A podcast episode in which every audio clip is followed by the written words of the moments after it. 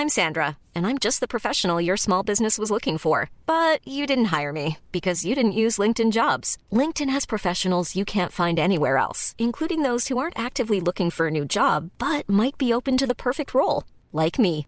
In a given month, over 70% of LinkedIn users don't visit other leading job sites. So if you're not looking on LinkedIn, you'll miss out on great candidates like Sandra. Start hiring professionals like a professional. Post your free job on linkedin.com/people today.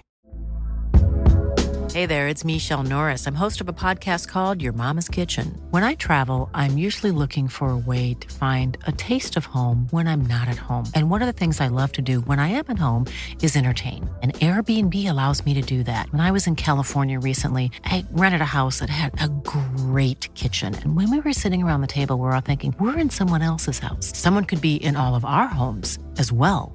If you have a home, but you're not always at home, you have an Airbnb. Your home might be worth more than you think. Find out how much at airbnb.com/slash host.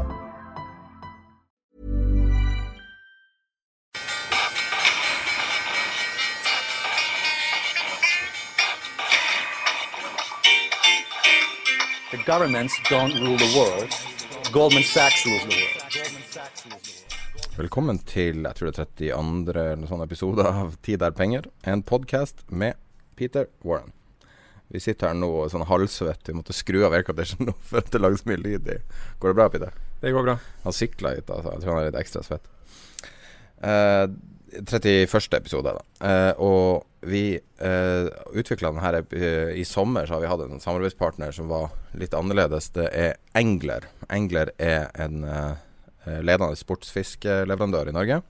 Så hvis du trenger utstyr til sportsfiske, så er det sted å gå. Er, jeg kjenner han som driver det, og jeg syns det er helt fantastisk. Det, det passer så godt med våre lyttere, fordi at det er veldig stor andel av folk i finans som, eh, som driver med sportsfiske, og de har også veldig bra diverse utstyr for når du går gå på fjell og alt sånt. Så hvis du går på engler.no, så eh, eh, kan du legge inn den eh, rabattkoden som er PETER, P-E-T-E-R, og da får du 20% rabatt på alle produktene. Eh, du kan også besøke butikken. Den ligger oppe i Nydalen, like ved BI der. Eh, flott, svær butikk, og det er helt nytt, og det er veldig, veldig moderne, hele oppsettet. Så anbefaler å, å dra innom der, eller gå på nettsida www.engler.no, og eh, rabattkoden er PETER. I dag skal vi snakke om veldig mye forskjellig. Uh, skal vi ta en oppsummering av hva som har skjedd i sommer? Ja, det er voldsomt. Egentlig. Men uh, det er en lang liste av ting. Største? Feng har kollapsa. I hvert fall, i hvert fall F-en og et par av de andre bokstavene. Ja, Fang-indeksen faktisk i går var ned 10, nå er nå 10% fra toppen. Ja, og Facebook har jo leda an det. Eh, du har Men det ble ledet uh, tidligere av et annet selskap. Nei, det, le, det leder faktisk av noe annet. Tencent har falt mer Ja. siste året i dag. Det kinesiske konglomeratet. 140 milliarder dollar. Facebook er 136 milliarder dollar. ICBC, det er jo selvfølgelig ikke da tech, men den eh, kinesiske svære banken, ned til 132 milliarder dollar. General Electric 107. China Construction Bank 70, Samsung 67, Walmart 62, Ping Insurance 59, ABE Vie 58, Bank of China 55, Alibaba 55. Hva som går igjen der? Kina stopper opp, Ja, ja. ja, kan være. Kan være at det er det. i hvert fall i Jeg er enig. Ja. Så har du Bank of Japan. Bank of Japan, ja, det, det er en liten Altså Den har jo fått lite opp, eller ingen oppmerksomhet, så vidt jeg vet, i Norge, men får en del internasjonal oppmerksomhet. Og det er at Bank of Japan har nå intervenert, altså gjort eh, Sentralbanken har gjort tre intervensjoner i rentemarkedet slash aksjemarkedet, fordi de, de kjøper jo Altså der har du det De driver fortsatt med det som heter kvantitative lettelser, med andre ord pengetrykking, som de putter i verdipapirer. Og det som skjedde der, var at tiårsrenten kom opp i skremmende 0,11% Så renten på japanske års, eller statsobligasjoner med ti års løpetid kom opp i det skremmende tallet 0,11 Og det fikk da sentralbanken. Da måtte de intervenere. Her må, det, her må, vi gjøre noe. Her må vi sprøyte inn mer penger. Så de intervenerte to ganger og kalte inn til pressekonferanse, som er på en måte en verbal intervensjon etterpå. Og de har nå fått den renten helt ned i 0,052% Men poenget og det er jo litt grann det som foregår i verden. altså Denne pengetrykkingen fra sentralbankene som på en måte holder maskineriet i gang. Altså vi trykker bare penger. Det er ikke, altså det, det fins jo vekst i en, i en, del økonomier, for all del, USA bl.a.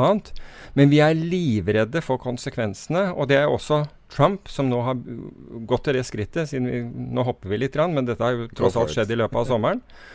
Gått til det skrittet og nærmest forsøke å instruere, i hvert fall verbalt gjennom media, gjennom Twitter, instruere den amerikanske sentralbanken til å ikke sette opp renten. Så du, du stimulerer med billige penger. Og når du da, når, når du da ser dette her begynne å ta av, altså sånn at sentralbanken er bekymret for konsekvensene, så vil man at denne her festen skal gå helt u... Altså være grenseløs. Altså det er da man Altså mer amfetamin. Sprøyt inn og advarer. Så um, Og vi har og Som en konsekvens av alt dette, så har vi jo Altså, amerikanerne sluttet jo med sin med sin uh, pengeinnsprøytning i oktober 2014.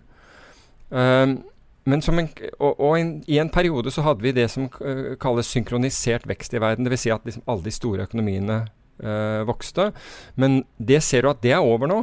Nå, nå, nå, nå, begynner det å skille lag. Så det er ganske spennende det som skjer. Og du ser også at sentralbanksjefene Altså ingen har lyst til å sitte med skylda. Ingen har lyst til å være den altså Når de sprøytet inn penger altså Husk på Greenspan den gangen. Han forsvant ut, og så gikk det gærent. Um, ingen har lyst til å sitte der når, når, eh, når, regningen skal betales. Og det har sikkert ikke noen, eh, noen politikere ved makten heller. Men tech har jo, altså teknologi har på en måte drevet den oppgangen. Den, den har vært på, på, samme måten som uh, på slutten av 90 så har det vært helt klart drevet av, av teknologi. Og da, jeg tror det var en på Facebook-gruppen som sa liksom Hva er det som egentlig skjer nå? Og det som skjer, er jo en normalisering. Altså det er at når forventningene til inntjening Altså alle teknologiselskaper På et eller annet tidspunkt så er det ikke vekst, men de må levere på bunnlinje. På et eller annet tidspunkt må de gå over fra det at vi driver og ser på lyttertall, eller hva, hva det måtte være, til at det faktisk materialiserer noe penger på bunnlinjen. Og når, slik at vi har store forventninger. Og disse forventningene blåses opp, og tallene blåses opp. Og nå tenker jeg på, på, på lyttertall, seertall eller hva, hva, det måtte være. Og så kommer det normalisering. Og, og, og, det er ikke annet enn det vi ser. Vi ser en sånn der normalisering av folks forventninger. Altså når, når, når den underliggende økonomien ikke klarer å, å vokse eller, eller, eller å, å, møte forventningene, så må forventningene ned og møte økonomien. Og det er det vi ser et eksempel på her. Pluss, pluss, og det må vi ikke glemme, pluss kraftig belåning av posisjoner.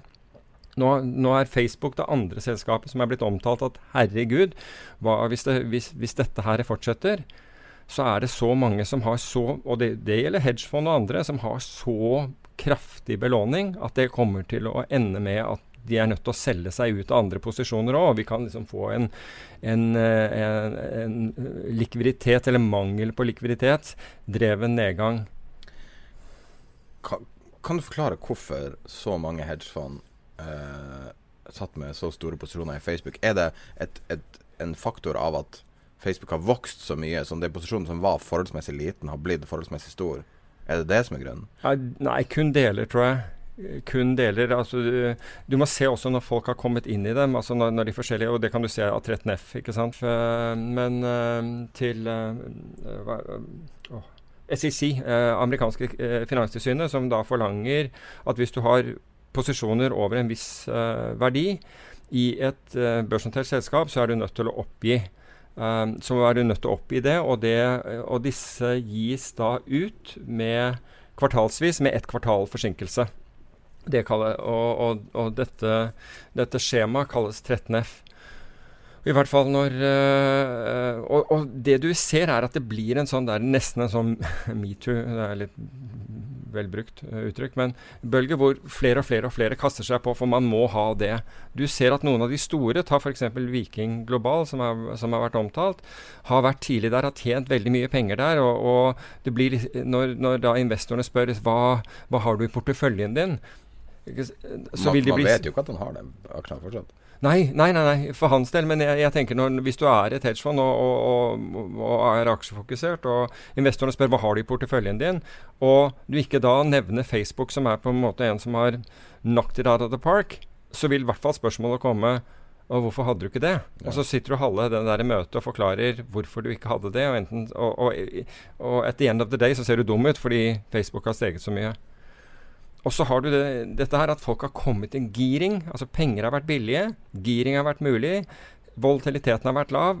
Kombinasjonen av lav rente, lav volatilitet gjør at risk, disse risikoberegningssystemene tillater høy giring. For de sier jøss, her, her, er det ikke noe fare. Penger er billig, um, det svinger lite. Her kan, vi, her kan vi godt låne ut mye penger. Det går fint. Vi låner dem massevis. Men du kjenner Andreas Halvorsen litt? Du ja. skal gjette, da? Hvordan tror du han opererer i forhold til giring på en aksjeposisjon? Nei, altså han, For det første så tror jeg han ser alt porteføljemessig. Og han er kjempedyktig. Han har drevet med dette her i, i alle år. Altså Hans bakgrunn fra før det så var han hos Tiger.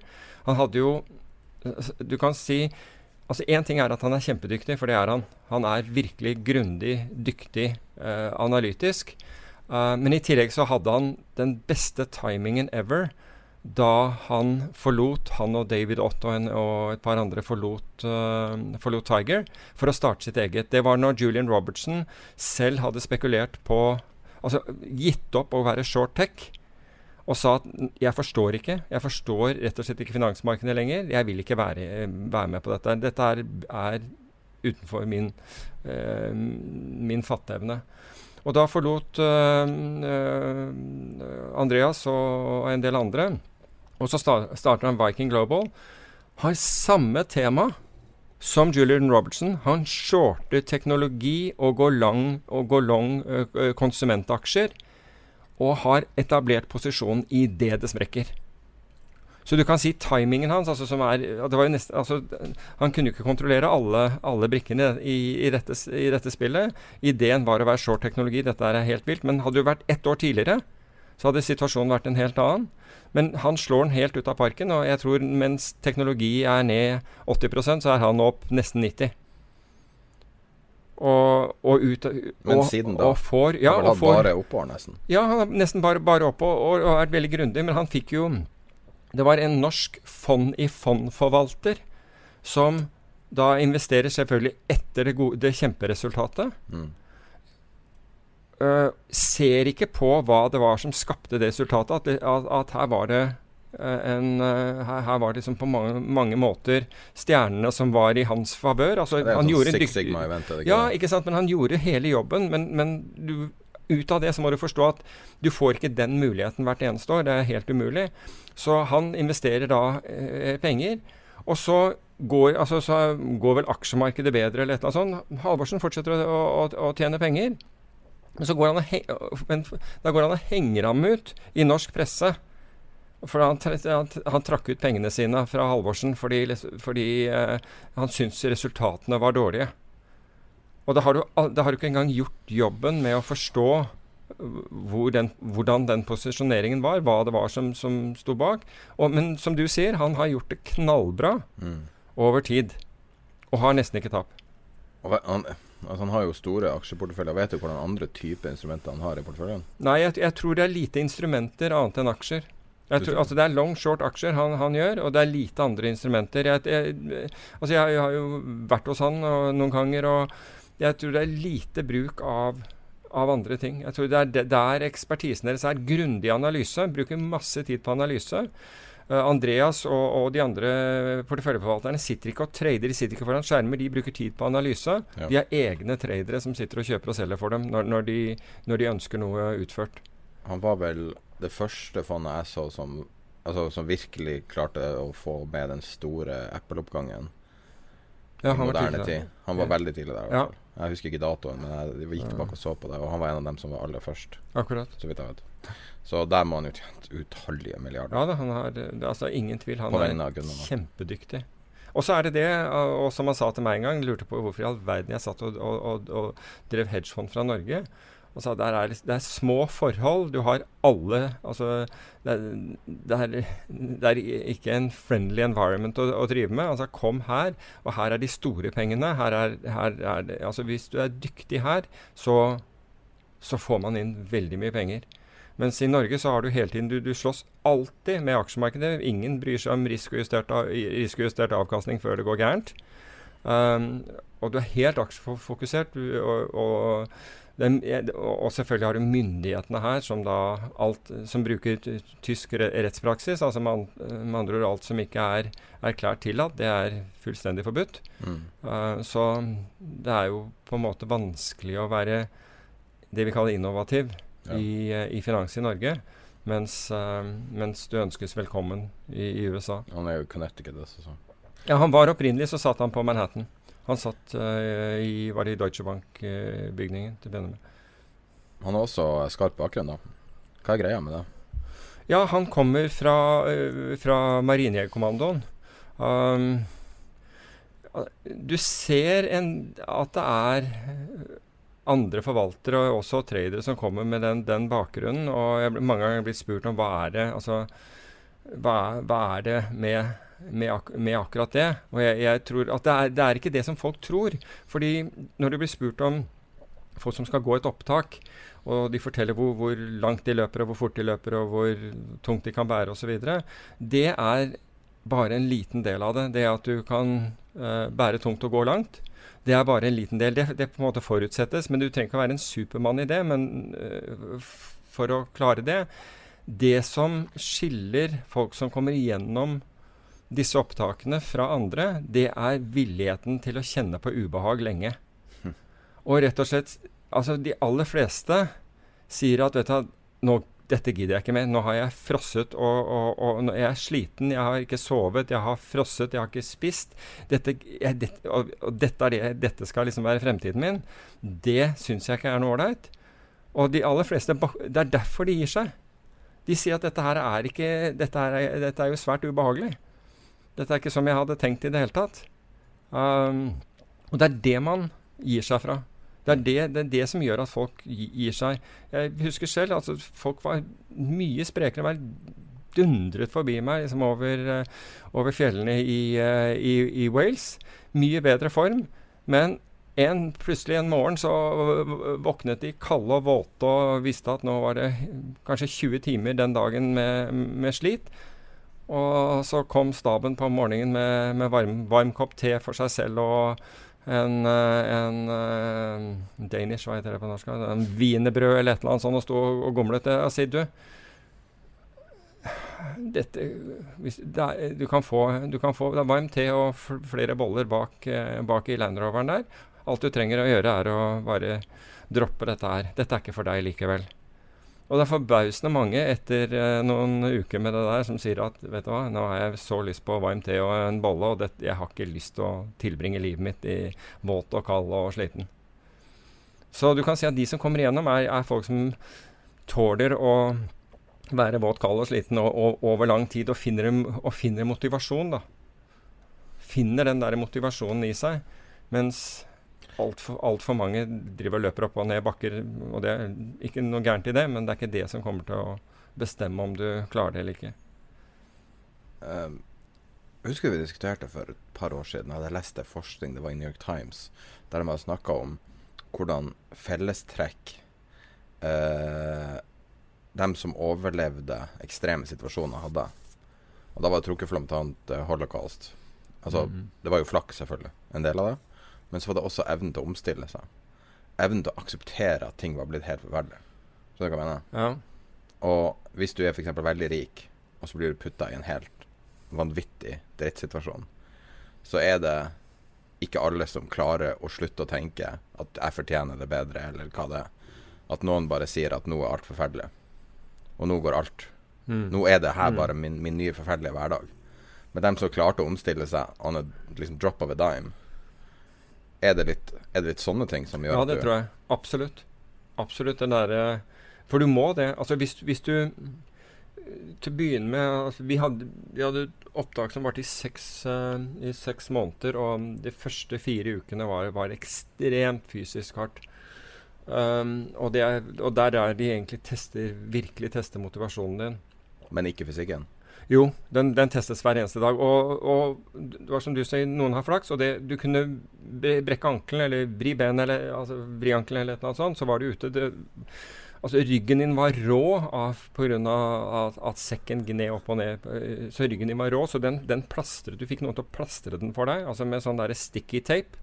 Altså ikke med gasspinn eller noe, men rett og slett det. Altså, folk besvimte når man dro den av. Det var så, for da var det åpne sår. Og det er klart du skal ha noe til å motivere deg for det, men, men det var Altså, det er Darwin sa det. Altså, det er ikke den raskeste, den sterkeste osv., men den som har evne til omstilling. Og hvis du tar inn over deg hvor mye Altså, du får jo vite altså, hvor mye du skal gjøre, og særlig når du kommer til den, den siste den siste uken av de, de fire, da, da, da, blir det lengre og tyngre og, hver eneste dag. Altså både det du skal bære og avstand du skal dekke og terrenget du skal gjennom. Hvordan type avstand er det snakk om? Eh, på den lengste er vel 40 Er det 40 miles over fjell? Tilsvarende lengden av seks maratoner på fem dager, mener jeg. Du gjør. Bare at det er over fjell.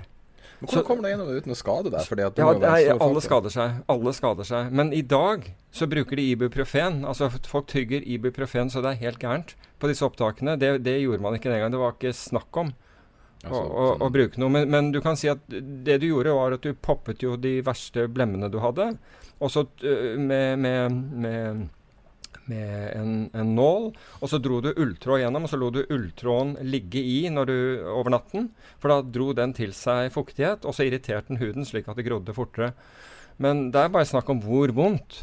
Ikke sant? Det er, øh, og det er ubehagelig, og det er det som gjør at folk Og så er du våt i tillegg, og så detter du nedi eh, sånn eh, sånn, håper jeg, gjørmebasseng ute, i, altså ute i, i naturen. altså Sånne der helt naturlige ting. Plutselig så tråkker du, og så tryner du nedi det, og det er plutselig er det en som sier vet du, Nei, nå har jeg fått nok. Men jeg, de, altså jeg ble så sliten Jeg trodde aldri jeg skulle komme gjennom, men jeg ble så sliten at jeg delte ting ned i, i uh, avstander. Altså, det, var, det var, kom ned til at OK, hvis jeg, i dag skal jeg, jeg skal klare meg til lunsj, da gir jeg meg. Da, da, nå klarer jeg ikke, men, liksom, jeg, jeg, går til den første delen av dagen. Problemet var at da sto du på en fjelltopp. Deg der. Så da måtte du jo ned igjen, så da var det jo like greit å ha farten ned. ned ikke sant? Så, sånn, og så skulle du opp en annen fjelltopp, riktignok, men det var jo ingen bil der som kunne hente deg, så det var ikke noe sted å si 'nå gir jeg meg'. Men så måtte jeg bryte det ned, og til slutt så var jeg nedi Jeg går til det neste treet der borte, eller neste steinen. Der gir jeg meg. Og så kom du til den steinen, og så er kanskje den steinen litt, litt bortenfor. Og, så bare, og, og sånn, sånn, gikk det i en, i en sånn boble. Men det gjelder å komme i en litt sånn bobletilstand hvor du glemmer alt annet som du var inne på. Du glemmer alt det som er, hva som har vært, hva som er rundt deg. Alt glemmes. Og så er du bare i den der tilstanden og prøver å sette ett ben foran det andre. Men er det overlevelsesmodus, eller er det vinnermodus? Jeg tror at, at alle drives av uh, Har på en måte forskjellig motivasjon.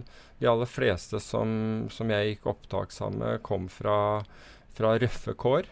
Uh, hvis du kom fra sånn, Gorbles i, i, i, Glasgow og virkelig noen hadde vært i, sittet inne i ungdomsfengsler og beinharde, ganske tøffe ty typer i utgangspunktet. Så, og de var, altså selv om de kunne røyke og drikke, så hadde de altså De ga seg jo på en måte aldri. Så jeg tror det er lettere hvis du har, altså, hvis du har en sånn altså Jeg hadde mistet faren min i en ulykke da jeg var 16, så du hadde liksom alle, alle hadde en eller annen form for ballast og et eller annet som de grep, grep fatt i. Og? Du går og, og, snakker med deg selv og imaginære andre når, uh, når du er der. For veldig mye av den tiden er du alene. Du, det er bare første uken hvor, hvor man opererer sammen. Og så på testuken så, så er du helt alene. Og, og der er det kaldt og vått, og du må motivere deg. Det er tåke og det Altså, i Wales Der tror jeg det regner 400 dager i året. Altså. Det er helt insane. Der er det, her, her er det noe Det må værfenomen. Også når det ikke gjør det, så er det ufattelig varmt. Og akkurat den sommeren der var jo den varmeste sommeren eh, England hadde hatt siden var det 1947 eller noe sånt. Det var jo Så du hadde alle mulige utfordringer, da. Men, men det er jo det samme for alle. Men, men tilbake til hvor, hvor, vi kom fra. Ja. Det her resulterer i en av verdens beste fond.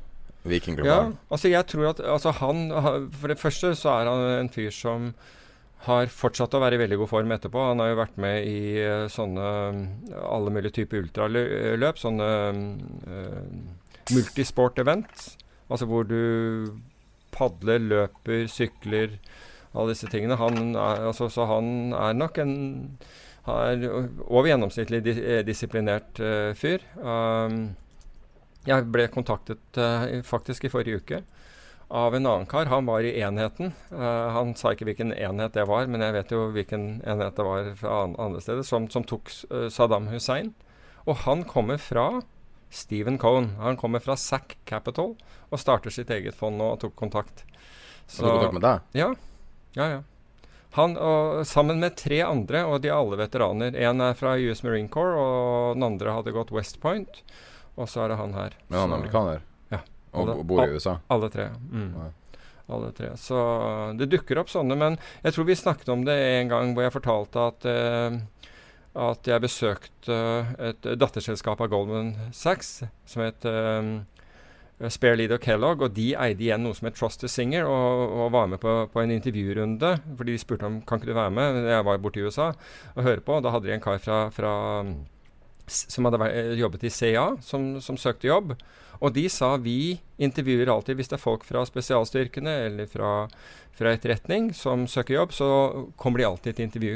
Fordi det er alltid interessante mennesker. Ja. Og hvis du ser på en Ta f.eks. en etterretningsanalytiker. I forhold til en finansanalytiker så er det et annet hva vi kaller mindset. En etterretningsanalytiker får en, får en oppgave og, og tenker på hvordan skal jeg løse den. F.eks. oppgaven kan være Altså, Du har jo snakket om XXL bl.a. Og, og sånne. Altså, hva er oppgaven? Jeg skal finne ut alt jeg kan om XXL. Akkurat det klipper jeg ut. Og det, du er, klar, det? du er klar over det? Å, gjorde det? Nei, jeg var ikke klar det var, over det. Det var min første, min første short-spekulasjon på ja, episoden. Og jeg skamma meg så mye, så jeg klippa det ut. Så, så det er ah, Jeg var ikke klar over at du hadde, at du hadde klippet den. Men jeg husker at du var veldig bearish. Men ta en etterretningsanalytiker. Altså en finansanalytiker leser da regnskaper osv. Men etterretningsanalytiker vil si OK, jeg har fått jobben nå, og, og se på XXL, og se på økonomien til XXL. Hvilke sensorer skal jeg bruke for det? Hvordan skal jeg finne ut hva som foregår? Og en av de tingene vil jo selvfølgelig være å spørre. Gå på forskjellige XXL og spørre stab og alt mulig sånn om hva det er og produkter. Altså De vil tenke hva er det jeg skal gjøre for å komme frem til dette her? Tallene det, de, det er noe som fremlegges, og de, de er ikke verifisert. Det er først, altså De vil stille spørsmål ved alle tall mm. for å se om er dette riktig. Og kanskje helt til, til, syvende og sist vil de møte øh, ledelsen. Ja. Og følge med på, og, og, rett og slett gjøre et intervju av den ledelsen hvor man er ute etter Altså hvor man har, har forberedt seg godt på forhånd, og se på ansiktsuttrykk, hvordan de, de, tar spørsmål. Alle disse tingene. Det er liksom forskjellen på en etterretningsanalytiker og en finansanalytiker. I 2009 så var jeg besøkte Hundai eh, på sånn firmatur ish. Og da, da gjorde vi alt det der. Vi fikk se alt mulig, og det, det er jo så svært og det er så imponerende. Så Det var helt, helt vanvittig. Altså, Korea er jo et veldig hardtarbeidende land, der de enten drikker eller jobber. Liksom. Det, de er mm. helt ekstreme. Og da opplevde jeg noe jeg aldri har hørt fra en sjef før. Rett før det hadde jeg møtt Nokia, som gjorde det motsatte. Men da eh, satt jeg med deler av ledelsen for Hundai, og så sier de vi vet vi har laga søppelprodukter i alle år. Fram til jeg husker ikke om det var 2001 eller 2002. Det her var jo like så lenge etterpå. Men vi har forandra oss. Og vi vet at vi må få ut det budskapet. Um, og, og det her er, det kommer til å ta mange år, men vi har totalt forandra oss. Før lagde vi kopiprodukter, bare drit. Og det hadde selskaps... Og da sa jeg liksom at det her er jo helt vanvittig. Det er jo bare lang, lang, lang, lang, lang. Et selskap som har så mye selvinnsikt, kan jo ikke feile. Mm. Fordi de, de, forstår at de kan gjøre feil. Og så møtte jeg Nokia mer eller mindre den dagen iPhone kom til Skandinavia. Og så hadde jeg en sånn iPhone. Det var en av de første som var. Så det var en kuriositet å ha dem.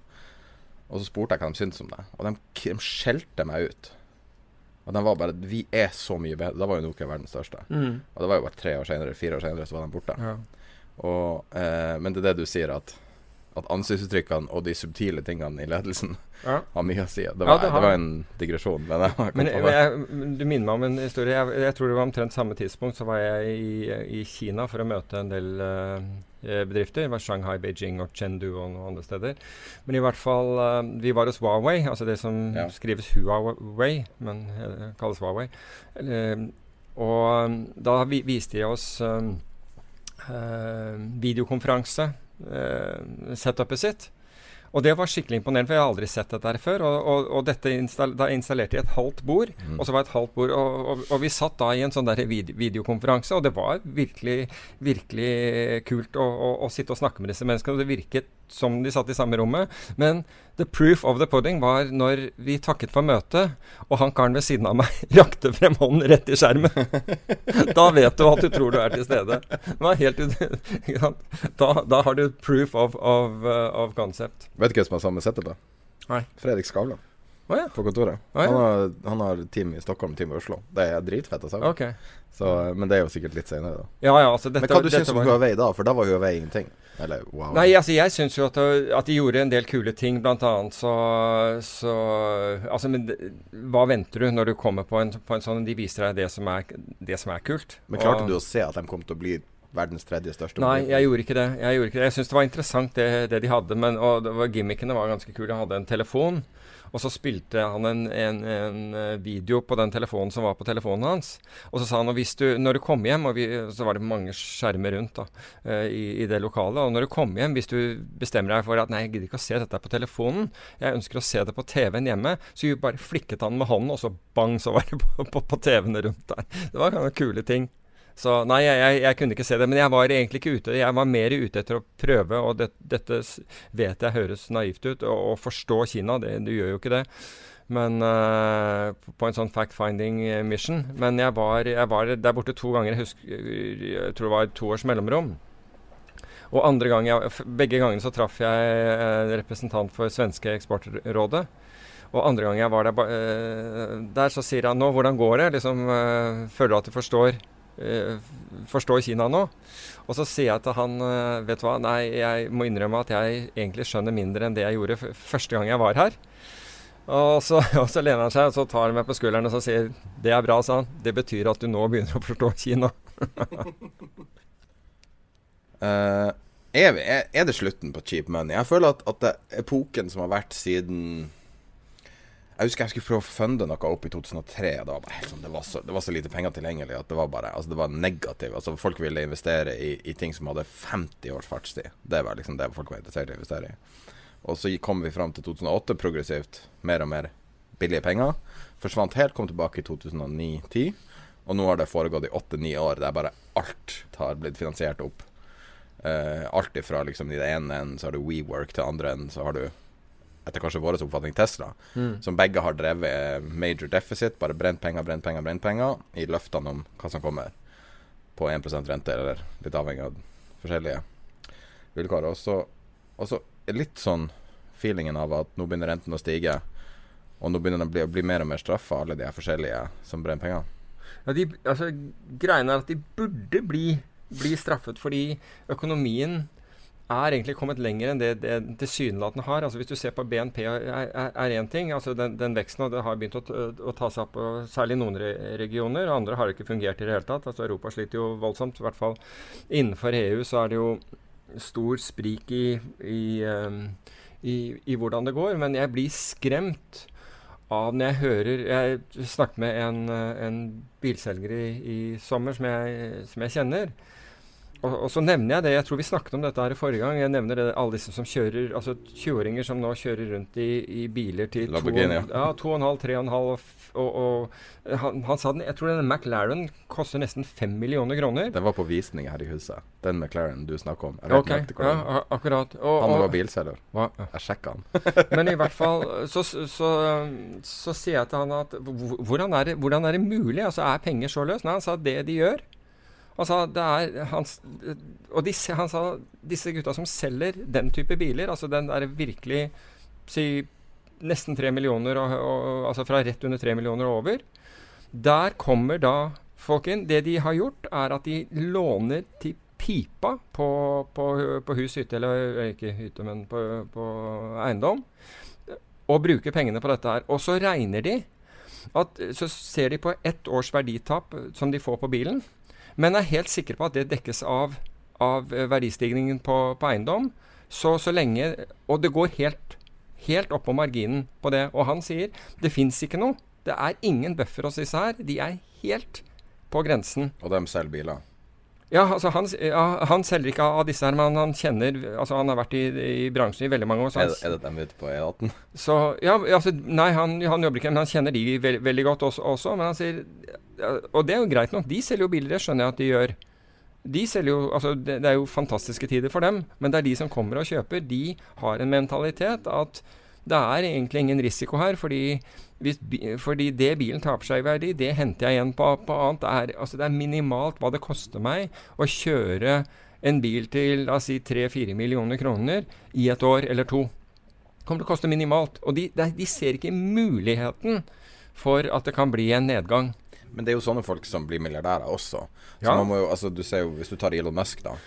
Uh, han var jo i null. Mm. Han hadde brukt sin siste krone. Og da tror jeg da han lånte Porscha til en kompis og krasja den, så, en sånn bil til en million dollar eller noe sånt. Han, han, hadde, han, hadde, ikke råd til å betale det, og det var akkurat den fasen der PayPal var over. Han hadde putta hver krone i en Tesla, det var veldig uklart om det der kom til å overleve. Uh, og, og, han er helt på marginen. Han har vært helt på marginen hele veien. Mm. Men hvis du timer det, sånn som du sa Andreas Halvorsen, at altså, flaks ja. er jo en del Det er jo en viktig komponent. Ja. Uh, og hvis du, time, hvis, du, hvis du, går all in La oss si at du ja. lager en konto på et sånt tradingsel. La oss si at du lager en konto på eToro eller noe sånt.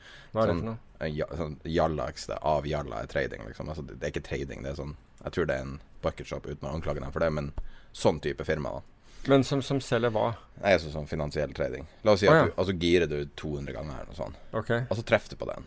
Og så sitter du bare og rider den posisjonen, og så bare putter du inn Eh, så bare, bare eh, belåner maks hele veien oppover og bare mm. holder den posisjonen. Så er det jo virkelig uendelig hva de 200 kronene kan bli til.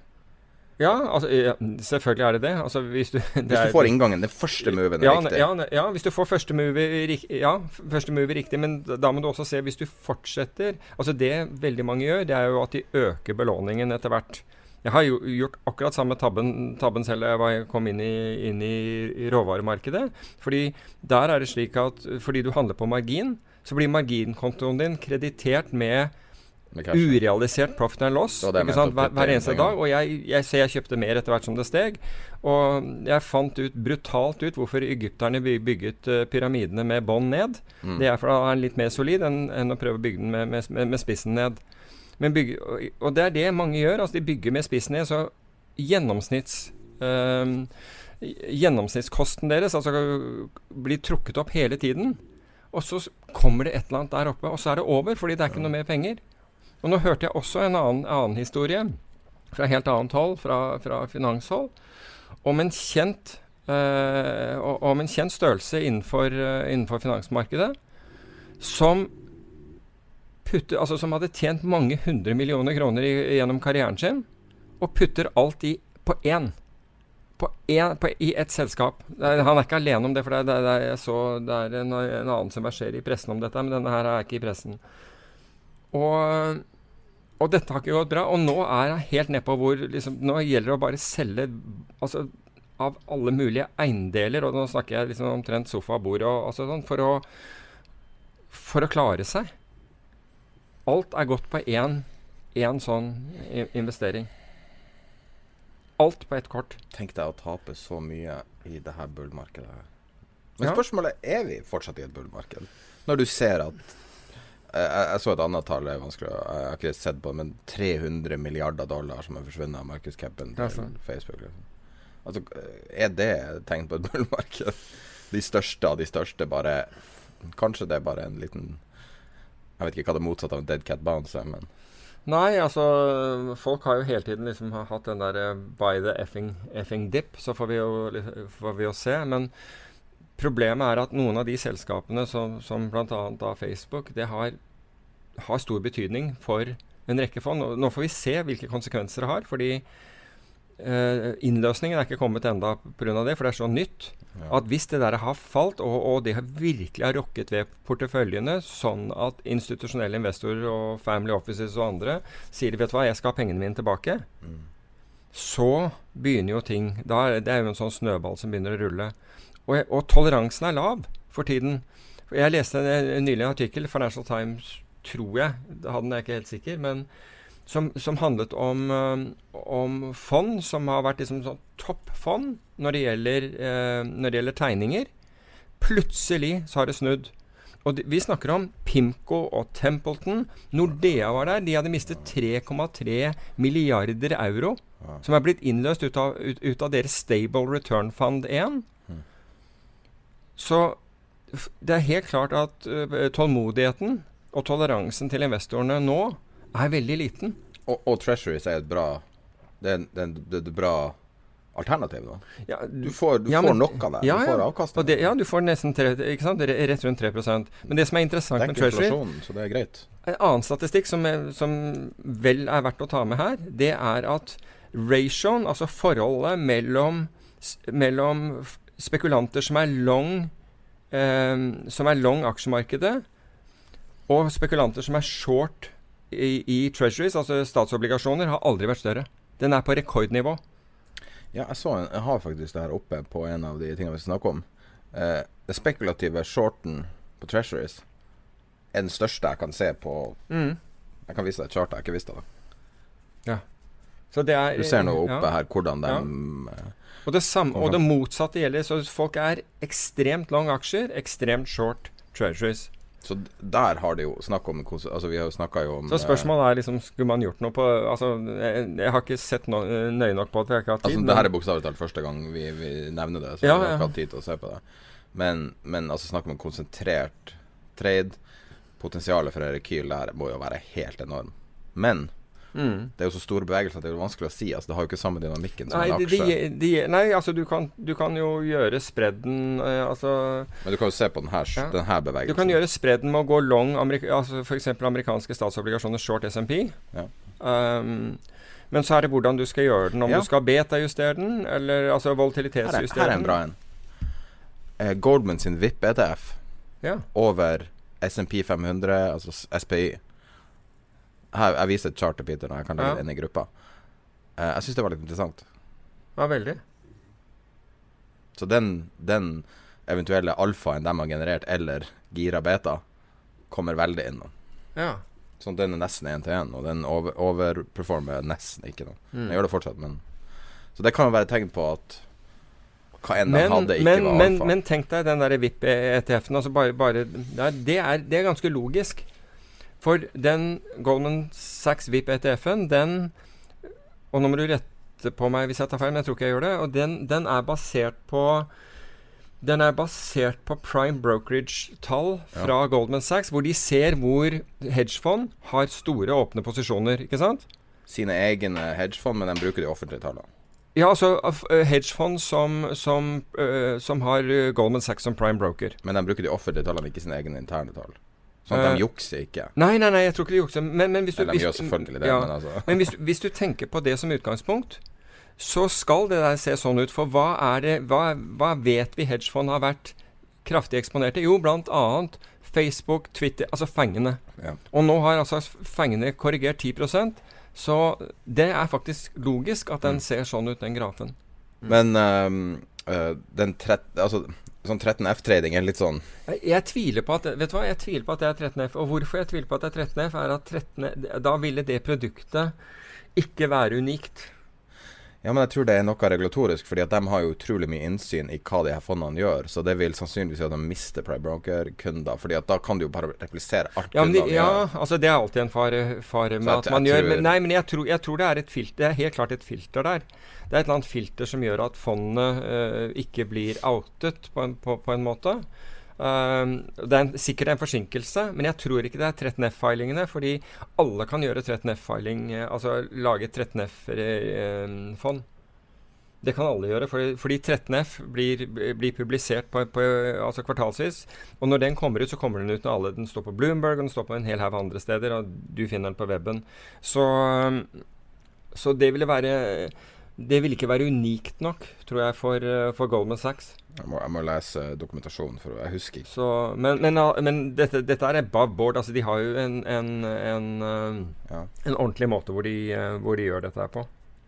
Men uansett hvordan de gjør det, så, så overperformer den SPY, så vil du ha ei en slags gira eksponering for aksjemarkedet, så er vel det her en, en grei måte å gjøre det på. Eller den der Den som bruker IBM Watson. uh, Litt annen greie, ikke sant, i og med at den bruker, uh, bruker AI. Mens denne, denne saken her er jo de beste eh, her, her ser man på, på der hvor eh, de største posisjonene som, som hedgefond over en viss størrelse har. Og så sier man også presumptivt så vil man da si at disse, disse forvalterne er veldig smarte, så her, er her bør det være alfa å hente. Altså er mer verdi å hente. Og så tar man et utvalg av de som man da kjøper, øh, og, og dette pakkes inn i en ETF. Og så, og så vedlikeholdes denne ETF-en. Det, det er det man gjør med disse. Og den har jo outperformed, altså gjort det mye bedre enn en aksjemarkedet. Men jeg er ikke, altså når jeg så den grafen først, så tenkte jeg oi. Men den, egentlig så er den logisk, tatt i betraktning at de aksjene som har falt mest i det siste, er nettopp den type aksjer som vi vet at, uh, at store hedgefond har sittet med. Ja. Og det er jo helt obvious. Altså Fengeaksjene er overperforma så mye at de skal falle bra mye for å, for å gå tilbake til Altså reverse til den minen. der. Ja, til minen så skal, det, skal de virkelig Da skal det være Armageddon der ute. Ja. Uh, Men Netflix, ja, Netflix som vi var inne på Var det sist? Jo, jeg tror det. jo. Den, eh, det var vel omtrent high-dagen, tror jeg? Sånt, Eh, det var toppticken. Ja, uff meg. Så det var jo bare Ja. basert på, på sånn Det var basert på niesa mi sin at hun ikke likte den. Og så var det basert på noe jeg har tenkt på i to-tre år, som er at Netflix er et ganske svakt produkt. Så da kan Kombinert med veldig stor cash burn, som basically ser ut som det Altså Du kan jo se sjøl. Er det bra, det de får ut av det? Jeg syns ikke det er bra. Så da har vi Altså, da kan lytterne dine takke egentlig nesen din for at uh, den der Hvis noen gjorde det der med 200% eller ja, hva det var nei, du regnet hun, det fram hun, 100, og- altså den fra det vi snakket om forrige gang, så har den, eh, den opp, Altså du, du ville vært opp 100 og par og 40 Men eksplisitt er viktig å si det også. Det, det er ingen råd, og du får aldri noen råd. Nei, nei, nei, og det er ikke ment som det. Men altså, her var det jo Den, den ble jo liksom hevet over bordet, og vi måtte bråregne litt på, Ja. på hva som kunne være en ålreit trade på det, gitt de forutsetningene som, som du mente. Mm. Men i hvert fall så kan man jo trygt si at at, uh, at til nå så har det der virket veldig bra. Ja. Og her får du, altså ved den traden der, så, så er du både short og long volatilitet. Så volatilitet stiger ofte. Du er i ferd med å bli en rik mann. Hva sier du? Du er i ferd med å bli en rik mann. Ah, ja. Ja. Tesla.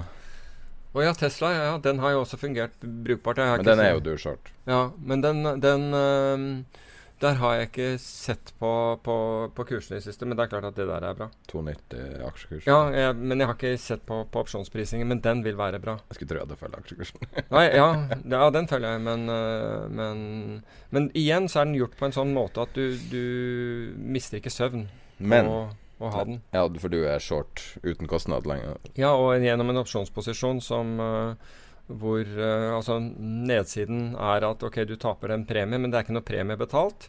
Nei. Så du, du taper opportunity hvis, hvis aksjen plutselig skulle dra, dra til himmels, og, og faller den, så er det bra. Ja. Så, Jeg tror det var episode 18. Nei, Jeg husker ikke. men jeg tror altså Apropos det der vi, vi snakket om øh, med, med Andreas Halvorsen også. Han, han, han tar lange posisjoner. altså det, Han sitter lenge på det. Han tenker ut og analyserer og sitter lenge på det, og blir sittende i, i lang tid. altså Antageligvis inntil noe har øh, bevist at det enten er for dyrt eller eh, eller på annen måte. Og det samme er og, det er veldig vanskelig å gjøre av og til i posisjoner. fordi hvis vi sitter og ser på kursen opp og ned og begynner å regne på det, så er det veldig mange som ikke klarer å sitte rolig.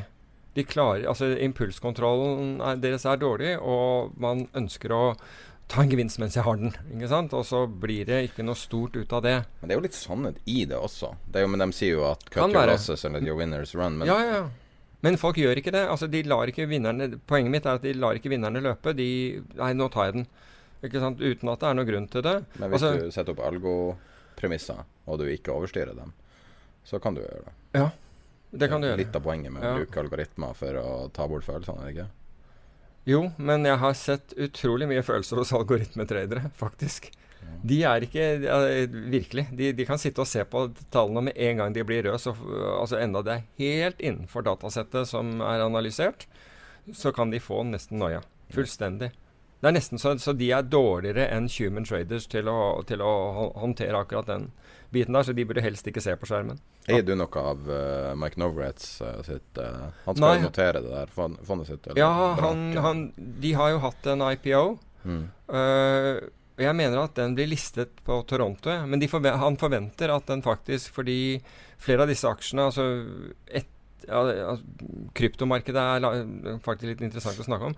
Har jo vært lavere siden han liksom kom inn, men han sa jo at det var for tidlig å komme inn. Og så ventet han til, eh, til det hadde vært en korreksjon. Den korreksjonen ble enda dypere. Men verdsettelsen av disse selskapene var i Canada, for det, det er der de, eh, de eh, mange av disse noteres, var veldig høy. Så han forventer faktisk at når den begynner å handle i, i, på Toronto Han skal liste den mange andre steder også, så at kursen antageligvis er litt lavere enn en ved IPO-en.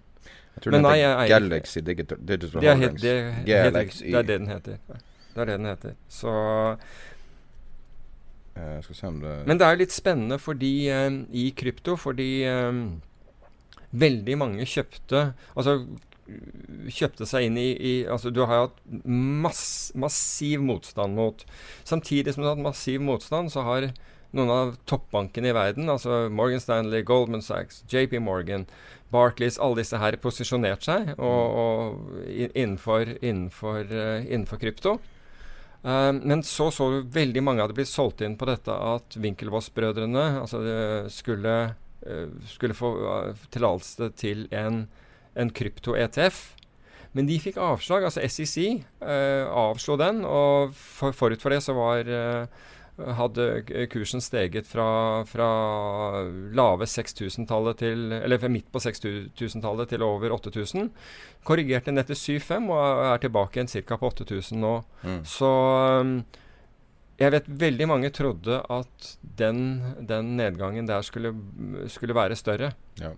Men det er jo på en måte det mest signifikante er at SEC eh, ikke slapp den gjennom denne gangen heller. Men jeg, jeg vet at de der Winklevoss-brødrene har tenkt å de har, de har ikke tenkt å gi seg med det. Så de vil nok før eller siden få til den ETF-en.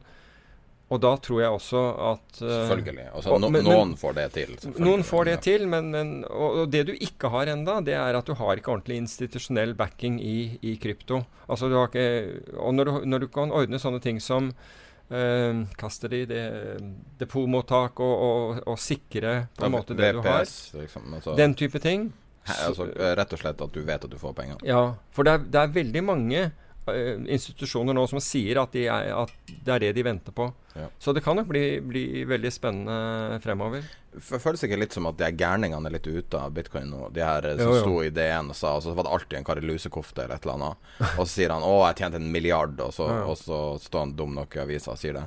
Eh, og jeg har slutta i jobben min å belåne huset for bitcoin. All, alle de der er egentlig borte nå. I hvert fall som Jo, jeg, Og jeg, nå tror er bankene de seriøse. Altså Folk kan hate banker så mye Mm. de vil, men de har nå alltid vært der og kommer alltid til å være Ja, altså du ser også tradinghus som er, er involvert. Altså Apropos det, det um, uh, DN hadde, hadde, Det er mulig at andre hadde, hadde om, um, om Intelligent Trading, dette norske selskapet Ja. som, som hadde tjent nesten 300 millioner. Fra, eh, fra null til 300 omtrent. Ja, men du kan si at eh, altså det er jo ikke helt riktig for null, fordi de var tidlig ute med high frequency trading. De var antakeligvis den første high frequency-traderen i, i Norge. Og da handlet de uh, i tyske rentefutures på latency, altså på at uh, altså I tyske rentefutures er stort sett tre. Det er noe som heter Bundt, Bobel og Schatz. Det er tre, det er tre forskjellige forfall på disse. Um, og, og det ene leder det andre. Og de var veldig tidlig ute der og tjente masse penger på det. På det. Kjempeflinke karer. Uh, sitter i Oslo. Nes i Bygdøy allé i Oslo. Uh, kjempeflinke karer på det. Men så så de at, at det vinduet lukket seg. Mm. Trakk seg ut av det og prøvde seg litt andre steder. Var, var litt borte. Og så nå har de sittet da tydeligvis og analysert og funnet ut hvor de skal være i terrenget. Jeg tipper Jeg vet, lov å gjette? Hva da? Vold. At de er på vold? Ja. Jeg tipper at de er i krypto. Jeg tipper at de pengene Altså disse gutta her eh, Fordi de Nei, Jeg kan fortelle noen nøkkeltall. Ja. 19, 14, 20, 12 og 269. Det er eh, sum finansinntekter eh, starter på år eh, 2013. Ja. Så noe har skjedd mellom 12 og 269. Ja, ja. Men jeg, jeg, jeg altså, det, det kan være vold, men jeg tipper jeg, jeg, Altså, disse gutta har vært sånn at de har funnet gull der ingen har lett. Og i fjor var jo året og ja, jeg, jeg skulle ikke forundre meg at de var i at, uh, Altså, jeg vet ikke, men det skulle ikke forundre meg om at de har vært i Fordi jeg vet at det er flere high frequency-tradere nå involvert i krypto uh, og, og tradinghus. Og, og, alle som en av de har gjort det bra. De har holdt på siden 2002. Ja. Det visste jeg ikke.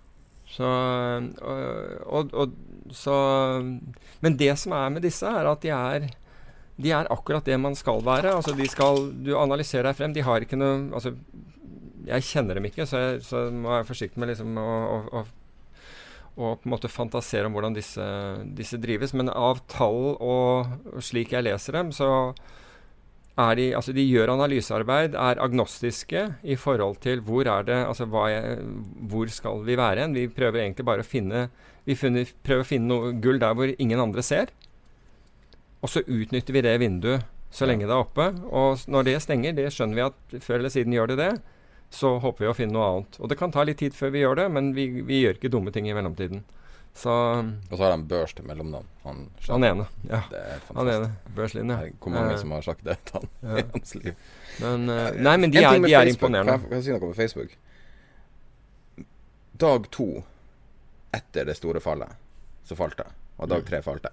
Er ikke det litt sånn ubehagelig når du har hatt BTFD har funka i ti år, jo. og så stopper det med den største en billionkronersbevegelse, og så slutter det å funke? Jeg syns det var veldig sånn besynderlig at neste bevegelsen Det er jo derfor flere sier at du, at du har ikke sett fallouten av dette.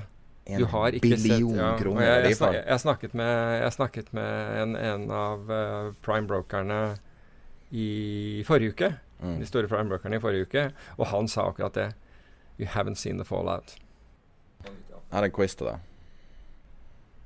Uh, I hvordan marked er det et stort bear-marked for Monaco og et ekstremt bull-marked for Montenegro? Hvis det er bull-marked for Bear-marked for Monaco og Akkurat nå.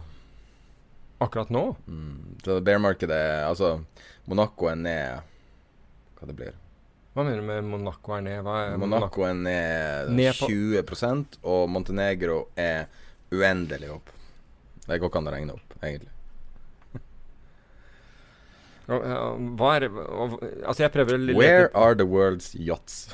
er det det? Ja. Altså, jeg tenkte på det, men, hvor, men, jeg skjønte ikke hvorfor de skulle være ute. Jeg vet at uh, havnen i Montenegro er blitt veldig populær, men Porto Montenegro hadde ingen ved sist, si, ved siste eh, beregning så var det ingen yachter der. Nå er det 21. Ah. Så det er ved null. Det går ikke an å regne på det. Ja, akkurat. Uh, mens i Monaco er det ned. Jeg var overraska mm. Men de har jo gjort altså Slik jeg har forstått det, så har de bygget ut veldig i havn. De har bygget uh, leiligheter, og det er mye sånn Altså Det er blitt et kult område.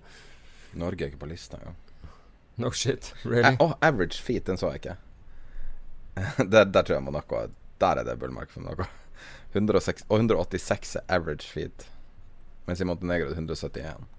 Oi. Og i Forente arabiske rater er average feet på en båt er 222.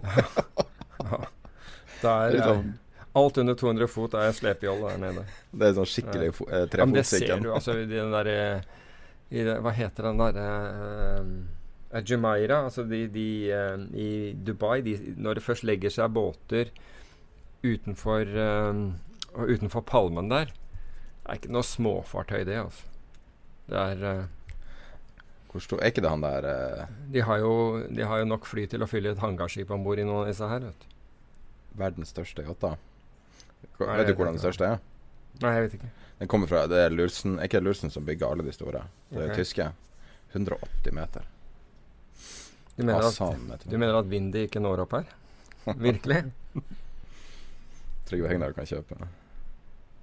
Asan. Det har han kanskje råd til. I wouldn't know. I wouldn't know. Hvem er det som eier den? Den er ikke available for charter. Så den jeg sendte deg? Hvordan du kommer Dette Det her er jo bra tips for hvis du, hvis du, hvis du eier en superyacht. Om at du, du setter den available for charter. Oh, ja. Og så, så kan du eh, skrive av basically alle kostnadene på businessen din. Og ha Ok. enorme skattebesparelser. Men du charter den aldri ut. Du, bare sier, du sier bare nei til alle. Jeg vet i hvert fall at en eh, en, eh, en velstående norsk forretningsmann, for å kalle det, veldig forsiktig, hadde, hadde flytebrygge et eller annet sted, altså for yachten sin, nede i Sør-Frankrike. Og da tror jeg de solgte den flytebryggen for mer enn hva båten kostet. Når de solgte den. I love it. Det er ikke som du kjøper bondegård i Norge. Jo, men ikke sant? Koster Altså- to millioner det koster ti eller 20 eller Ja, men, ja, men tenk deg det. Altså, de får mer altså da, fordi det er så få steder å kunne oh, ja. legge Å ja, en Det var båt. ikke løsøre? Nei, nei, det oh, var fordi denne her Altså verdien på den hadde gått opp så at det var helt insane. Det er ikke så dyrt. Hvor Hvor det her? I Monaco? Nei, men det var et eller annet sted Jeg vet ikke om det det var Mon dyrt Monaco, men det var et eller annet sted eh, lang der. Jo, men dette her er hvor du kunne ha båten din permanent. Jeg aner ikke hva det koster. eh. Men jeg vet at eh, Er det Sardinia og sånt hvor det er ekstremt dyrt Ja, det er jo Porto eh, Men hvis du kommer bare med en vanlig, altså vanlig 30 fots seilbåt, så er det 500 euro og mer per natt, liksom. Hva heter Porto Portofino? Er ikke det det dyreste? I Italia? Det er vel det dyreste stedet du kan være, nesten. Vet ikke. Vet ikke. Eclipse har jeg sett. Den yachten på 162, den til Abramovic. Den lå langt ute i horisonten og så ut som den lå nært. det var helt insane. Jeg syns at Mostranda camping er, eh, er eh, eksotisk, jeg. Apropos, eller uh, Apropos finans, et øyeblikk. Uh, Morgan Stanley i dag morges, som da sier at de tror at kommer, nå kommer en uh, større korreksjon. Det er eh, Den er jo starta sannsynligvis allerede. mulig. Uh, mulig. Altså, Det trenger ikke være market wide for å starte. Du eier jo som regel ikke markedet. Eller kanskje folk gjør det gjennom ETF, jeg vet ikke. Nei, altså I det norske markedet så er, jo, så er vi vel ikke så veldig langt fra all time high. Men uh, heller ikke SMP 500, vel. Er er så langt fra det. Men uh, det er klart at Europa, Japan og mange andre, ikke minst Kina, eh, har ikke så godt. Hva står igjen i akkurat nå? Og Norske har ikke peiling. Nei, på Jeg har mot ikke. Dollar. jeg Yen dollar. Har Gjør du ikke det? Nei, vet, jeg, vet du ikke instinktivt hvor yen ligger i dag? Nei, jeg har, jeg har med vilje ikke sett på, på, på skjermene i tre uker. Nei, hva, du, hva du tror du ligger da? Ja, hva kan det være? 111 rundt der, eller? Komma, Nei, jeg vet ikke. komma 54, så du traff. Var det det? Oh, wow. Hva ligger Oslo Børs på? Jeg har ikke peiling. Jeg, ser, Prøv å gjette. Nei, du, jeg, jeg, vet- jeg ser ikke på tallene Nei, der Prøv engang. Prøv å gjette hva hovedindeksen ligger på. Nei, Jeg vet ikke hvor jeg skal begynne. Nei, prøv.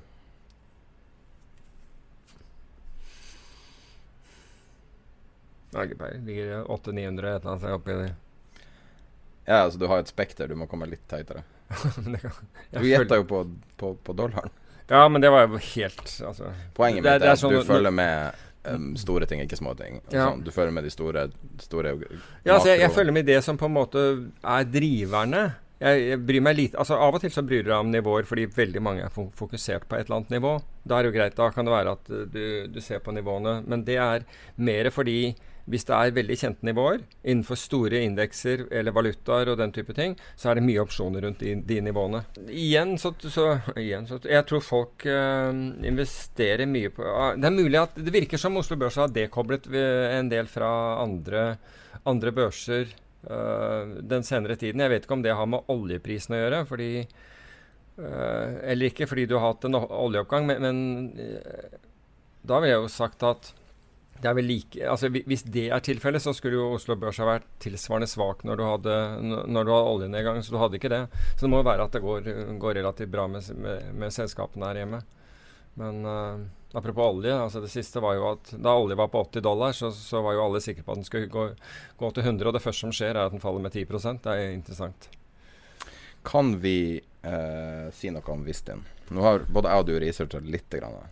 Ja, altså jeg så at noen skrev på Uh, på, på Facebook-gruppen. Uh, om Altså, det som Det som jeg tenker når det gjelder Vi, vi snakket om det sist, og hele ideen, og ifølge Kjus, var jo det at de, at de tror at oljen skal stige kraftig, og alt legges til rette for det. Da skulle de ha posisjoner på, på det. Og slik at hvis du kjøper Vistin, så, så, kjøper du egentlig olje. Da kjøper du egentlig inn i oljestoryen hvor at olje skal stige kraftig. Ja, Det kan si han sa til Bloomberg, ja. var at IMO 2020-reglene som skal endre hvordan drivstoff båter bruker, mm. skip bruker, eh, kommer til å altså legge sånn sølf... Eh, Sulfur. Ja, hva det er Svovel. Svovel.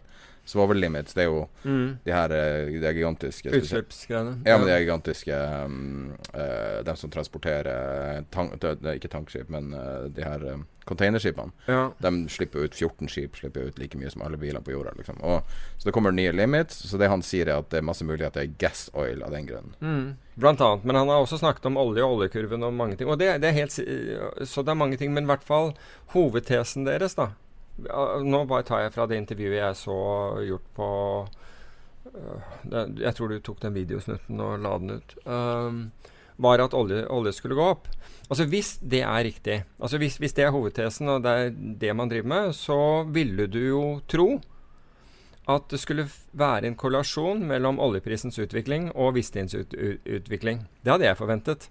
Men det, det synes ikke å være. Så når oljeprisen falt kraftig, så hadde ikke det noe, noe betydning. Og det, det, er litt sånn forvirrende, men um, ja, så de er jo men, men, samtidig som det her, så eier, altså hvis du kjøper aksjen, så kjøper du også inn i, i uh, um, den der um, uh, sukkersykemedisinen. Ja. Så det er, jo, det er jo sånn Du får jo du, du, du får jo ikke konsentrert bedt på noe. Nei, men skulle ikke kvitte seg med den divisjonen der, da? Jeg vet ikke. Men, men poenget mitt er at, at, her er jo forskjellen. Men så var det en på Facebook-gruppen, og jeg vet ikke om vedkommende er, er, på en måte keyed in til hva, hva, de driver med der eller ikke, som, som foreslo at de hadde masse andre De hadde aksjeposisjoner på dette og ditt, ditt og datt osv. Og, så og i tilfelle altså så, så, er det jo vanskelig egentlig å vite hva det er som driver, driver selskapet. og du kan si at det er fordeler og ulemper ved å, ved å, et, uh, ved å gjøre dette i et aksjeselskap. Hvis du gjør det i et fond, da. Hvis du gjør et fond, så må du definere på forhånd hva du skal drive med. Uh, en høy grad av transparanse rundt der, og, og, det vil være begrenset hva du ikke Altså begrensninger, slik at du kan ikke prøve å finne på ting som du ikke har drevet med, med tidligere. Da bryter du med fondsreglementet og osv. Og, de, og det er også klare regler for kostnader, hvor mye kostnader du kan påføre et fond. ikke sant? Altså Du har la oss si 1 forvaltningshonorar og 20 øh, øh, suksesshonorar. Da er det 1 som skal dekke på en måte alle de, de, løpende kostnadene i fondet. Og hvis du har kostnader utover det, så er det managementselskapet som må, må, må, må bære dem. Ja. Når du har et aksjeselskap, så er det plutselig Da står du i, friere til å investere i det du føler for den dagen. Um, da kan du liksom det må sikkert, Du må sikkert gjøre rede for hva du gjør der, men det er ikke den samme transparensen. Du kan ikke innløse, slik at du får ikke ut net asset value månedlig, halvårlig eller når, når, når det måtte være. Da er du avhengig av at noen andre er villig til å kjøpe aksjen. Um, og kostnadene som selskapet har, det, det, de bærer hele selskapet. Så, det er, så det, er, det er, en grunn til at du har fond, en, men du har mer fleksibilitet i, i å, ha, å, gjøre dette i et uh, aksjeselskap, og, og, kanskje enda mer fleksibilitet når det gjør et børsnotert selskap, fordi du kan hente inn penger lettere og, og bredere. Noe de gjorde. No, noe de, noe de gjorde, og jeg forsto de skulle hente inn, prøve å hente inn mer også. Men det er litt vanskeligere. Og, og, altså Hvis de ikke er veldig gode på, på, informasjon, så kan det være vanskeligere å vite hva er det du, hva er jeg kjøper her. Fordi det var en av dem som sa at, at hvis eh, Tesla gjorde det dårlig, så gjorde en eller annen aksje som de Men det var en utsagn fra en Ja, jeg, jeg vet ikke om dette stemmer engang. Han, det- sa, sånn- han sa vel at uh, hvis det amerikanske eller verdens bilprodusenter går under, så gjør Tesla det bra. Og det hadde noe med det her å gjøre. Men jeg tror ikke det har noe med det å gjøre. ja. Jeg tror du, du gjør enkelt og greit et bet på at to eks-DNB-ansatte klarer å fortsette å outperforme. Ja, altså, du, ja, det er det du gjør. Du, den Noe du ikke vet vært- om du kan gjøre utenfor Nei, banken. altså den ene har vært eh, analytiker, og den andre skal, som vi, i DNB og er veldig flink. I hvert fall syns jeg han er det. Andre kjenner jeg ikke, eh, men jeg har ikke noen grunn til å tro at han, er, eh, at han, at han ikke er det. Men, men han har da angivelig drevet med trading, noe som jeg ikke skjønner. Fordi DNB skal jo ikke drive med trading i olje, så jeg skjønner ikke helt eh, hva, hva hvem og hvordan. Men det betyr jo ikke at han er, er dårlig på det han gjør. Bare, bare så sagt. Men, men Problemet der er jo ofte at men, eh, folk som kommer fra banker, mm, spesielt Goldman Sachs-tradere, ja. klarer klarer ikke å performe utenfor banken. Nei, Men i oljetrading så vil ikke banken ha en sånn fordel som de har i andre. Sånn at der kan det kanskje være lettere å gjøre. Ja, de vil jo ha fordel fordi de er store og de, de ser posisjoner. Og, altså Hvis Ja. du er stor i, i oljemarkedet, det er det, men hvorvidt de er øh, Altså Jeg forsto ikke det der at man skulle ha kommet fra liksom å ha drevet trading i DNB. fordi etter finanskrisen så var jo trading noe banker ikke skulle drive med. Og å, finne ut at, at en bank drev med oljetrading det, det, altså, At en bank driver og handler i renter og valuta, det, det skjønner jeg. Når de driver med oljetrading, så høres det veldig eksotisk ut. Men hva vet jeg om det? Altså, Jeg det det fins sikkert en logisk forklaring på dette. Altså Jeg skjønner hvorfor de har gjort det på denne måten. Hvis din farma hadde masse cash til over av å selge medisiner. Da visste ikke hva de skulle gjøre med det. De ville få bedre return on investment. Så har du eh, Torstein Tvenge og Øystein Spetalen som, som driver sjappa. Oh, ja. Jeg trodde, jeg, jeg trodde kun det var Spetalen jeg, som var i dette. Nei, det er Tvenge og Spetalen. Jeg tror det var Tvenge først, hvis jeg husker riktig. Ok. Virkelig? Mm. Ja. Så det er jo liksom Det her er jo folk som bare tjener penger, tjener penger, tjener penger. Altså Få personer i Norge er flinkere til å tjene penger enn Torstein Tvenge. Mm. Bare det i seg sjøl er nok til å bette på det her. Men spørsmålet er Det er så, det er Men, så men, men vent nå litt, da. Det er jo noe litt annerledes å tjene penger på eiendom og å tjene penger på olje. Ja, men han har en sånn intuitiv teft til å tjene penger, vil jeg si. Ok. Ja, altså Det er noe, my, det er noe mye penger der, i hvert fall. Sånn at vi, å, å, bed, å bette lamme en sånn person det er jo Mm. ikke en dårlig idé. Men det som er så rart, er at du har de to på hverandre der. Den ene som har, har, vært, har vært og er eiendomskongen i Oslo, mer eller mindre. Uh, Øystein Stray Spetalen, som har vært veldig flink å tjene penger for seg sjøl. Kanskje ikke så flink når han drev fond, jeg vet ikke. Det, Nei, og det tror jeg var for, fordi altså, når du driver for deg selv, så, så kan du gjøre akkurat hva du vil. ja. Men i et fond så er det et regelverk som må, må, må følges der, som, som gjør at mange ting som, du, som er, er enkelt for deg og intuitivt for deg å gjøre, det, det får du rett og slett ikke gjort. Du må, da må du opp med nye mandater, og du endrer ting, og du Posisjonsbegrensninger og altså Fond har mange ulemper. Det er mange ting som er bra med det, men det er Ja. også mange ulemper. Og det er klart at hvis du er vant til å gjøre Nå har jeg lyst til å gjøre det, nå ser jeg en mulighet der, og jeg gjør den med en gang. ja. Uh, så er det mye lettere å gjøre hvis det er dine egne penger, enn hvis du sitter i et fond. Det er en Men, men er det ikke litt sånn street smarts meets book smarts, på en måte, det som ser her? Du ser liksom uh, Tvenge og, og Spetalen er liksom skikkelig street smart. De skjønner business så til sin kjerne. Og så har du eh, en analytiker som selvfølgelig tilnærmer deg seg det her veldig analytisk. Og sånn som han tenker Men han er jo, han er jo mer tradingorientert enn andre analytikere, så sånn sett er det greit. Men så kommer det en trader i tillegg. Begge to er liksom klassisk classically trained, vil jeg si. Med å komme gjennom banker og sånn som Ja. de kommer opp. Men Kjus syns jeg har utmerket seg. Og, og, og, og, han som overtok etter Kjus, som, som faktisk heter Warren til etternavn Ingen, eh, tror det er ingen, ingen eh, relasjon. Han syns jeg også skriver veldig gode, gode analyser. Ja. Veldig bra.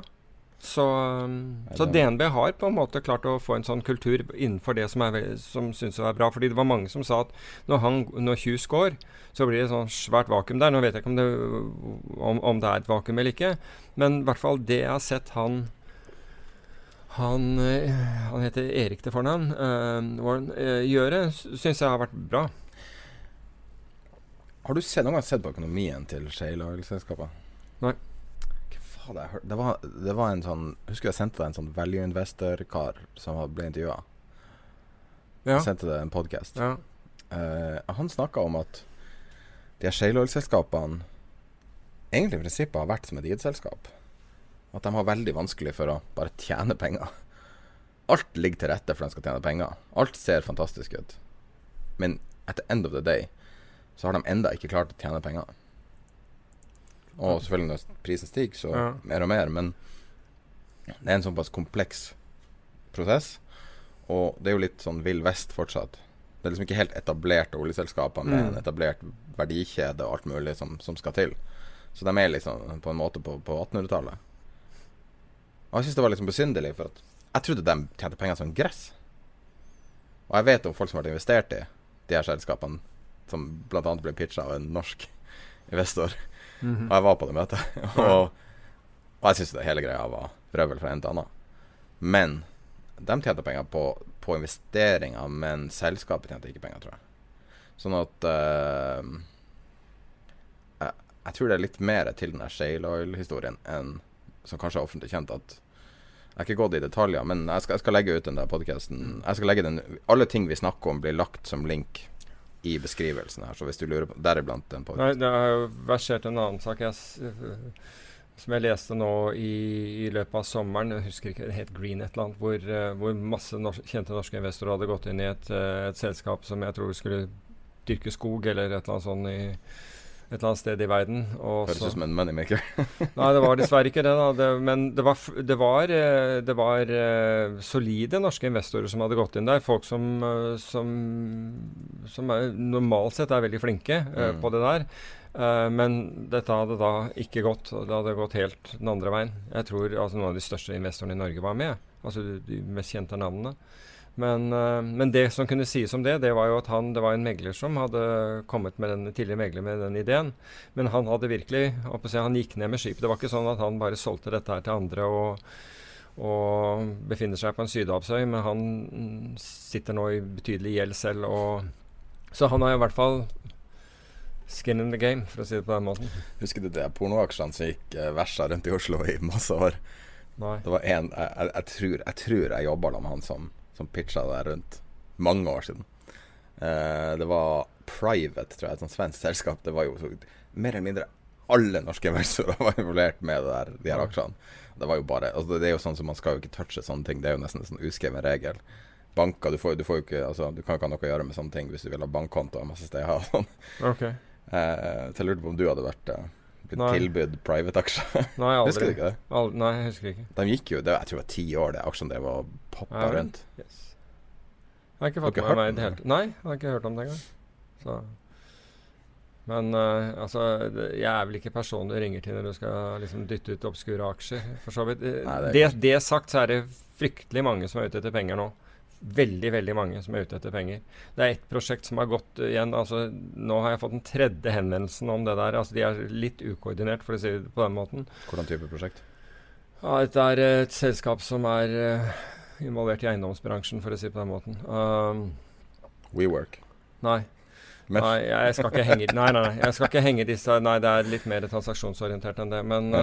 uh, men uh, det, det er ordentlig Altså sånn utrolig frisk prising, og nå hadde de leid inn noen som skulle selge det. Liksom, altså folk, folk skjønner ikke sin besøkelsestid. De har mistet den der tiden hvor, hvor, hvor pengene satt så løst. Nå ja, sitter det er ikke over. Det, er- nå, nå sitter ikke pengene så løst, og du ser alle disse her eh, selskapene som nå befinner seg på, på sånn unoterte lister og ikke-offisielle børslister osv. Det er vanskelig å bli Og nå, øh, nå forsøker folk å få ut det. Uh, så det er ikke så enkelt. Og, jeg tenker jo det midt når uh, når uh, renten er så lav og tilgjengeligheten på penger er, så stor, og så klarer folk å male seg inn i hjørner i en sånn tid Altså, da skal det ikke blåse mye før, eh, før eh, det er over. Jeg kom på en aksje når du sa unoterte. Husker du World Waterways? Ja, Var den der hvor de skulle taue, taue ballonger med, med Ja, det var det. Ja, den husker jeg. Ja, ja. Jeg elsker sånn pris. ja. Jeg husker, jeg kom, når du sa unotert, så kom jeg til å tenke på at folk diskuterte det. Ja, det husker jeg. Jeg husker at det, Den, den, var, husker jeg at det kom Jeg lurer på om de var det, det, ikke i 2010. Jeg trodde de var holdt på fortsatt. Ja, men når begynte de da? Fordi, altså, jeg husker en Ja, mange år. presentasjon med det. Fordi jeg, jeg mener at jeg jobbet i bank jeg, på det tidspunktet hvor, hvor eh, den der ble pitchet for oss. Der hvor ballongen sprakk og det var mye sånne greier. Så var det en annen, men det var en annen som skulle selge oss vann fra Iran, fra fjellene i Iran. Eh, som da skulle Altså, de skulle få det ned til kysten, og så skulle det da Så skulle dette vannet uh, om bord i tankbåter og selges uh, uh, Selges i, an, i andre araberstater. Og han her fyren Altså han skulle ha seg Han skulle ha Han ville ha gratis opsjoner på dette her i tilfelle dette gikk. Det er som head, heads I win, Ja, you lose. altså sånn Han skulle ikke Altså, han ville da Han kom da til norske finansinstitusjoner og ville ha Hadde ingenting å levere. Ingenting, men ville da uh, at, uh, man skulle, at han skulle få det for å ha fortalt om dette. Han kom fra kraftbransjen. Jeg vet ikke hvor sløv man er i den bransjen, men jeg har ikke inntrykk av at man er det. Jeg tror uh, det er hardcore finans, det. Det var uh, Det er, det er riktignok mange år siden. Nei, det er ikke så fryktelig mange år siden. Det er kanskje ti år siden. Men jeg tror eh, moralen er at penger sitter bare ikke løst lenger. Og noe har skjedd det Det er i hvert fall siste året. i hvert fall ikke så løst som, som de gjorde. Og folk, folk begynner nå å trekke inn, og da ser du plutselig hvor lite likvide disse markedene kan bli. Altså Steve hvor Iceman tenker som deg. Short Tesla. Så det, så det. Jeg har ikke lest eh, begrunnelsen hans for det. Men egentlig jeg er, altså, Og årsaken til ikke jeg, Men jeg skal fortelle deg hvorfor jeg ikke har lest det. Det er når jeg, når jeg på en måte går inn i en posisjon, så er jeg egentlig ikke interessert i affirmasjoner. Nei. Når jeg først har tatt den, så er jeg ikke interessert i affirmasjoner. Jeg er interessert i noen som forteller meg hvorfor jeg tok feil. Skal jeg slutte å fortelle, sende deg sånn det, hvor fucked up Tesla er? Nei, men det, er, altså det, det, tar jeg med, det, det tar jeg som humor. Men jeg, jeg er ikke ute etter affirmasjon. Jeg, jeg er ute etter egentlig at folk kan uh, si meg, si meg imot og, og komme med gode argumenter på, på hvorfor det jeg gjør, er feil, Jeg har eller det jeg tror er feil. argument. Forsideindikatoren. Det gir mye PR rundt Tesla-show. Ja, det er det. Litt for mye. Ja, det er det, men, men jeg føler på en måte nå at, at den der At nå begynner den der å falle på sin egen tyngde. Altså, jeg Jeg tror det kan komme en til opptur før den endelige nedturen. kan godt hende. Basert på at alle er så skråsikre nå. Og Kan- folk kan- kan tendens til å ta feil. Eller? Kan godt hende, men, men jeg føler liksom at the avalanche of money altså Nå begynner det på en måte å løsne opp i fjellene. Og når, når først liksom det der får momentum, så skremmer du ikke det der opp med å si at uh, nå skal vi, uh, nå skal vi uh, presse shortene, altså. Det er ikke nok. Ønsker du deg et sånn Tesla-surfebrett til 15 000 kroner? Ja, det er skikkelig høyt på lista. Det er skikkelig høyt på lista. Det var fra, fra flammekaster til det. Til Det er helt altså. Det er virkelig helt vanvittig at du kan være så useriøs. Men Ja, jeg vet ikke. Eh, men vi får, nå, vi får nå se. Faen, men, er ikke det eh, i dag? Nei, det er i morgen, det er tallene. Er det det? Å ja. Men ah, Det var synd det ikke var i dag. Men uh, Men igjen, uh, og fra, fra diskusjoner jeg har hatt så Folk er veldig passionate når det gjelder, det, når det gjelder Tesla. Og de klarer ikke å se forskjell på teknologi og økonomi.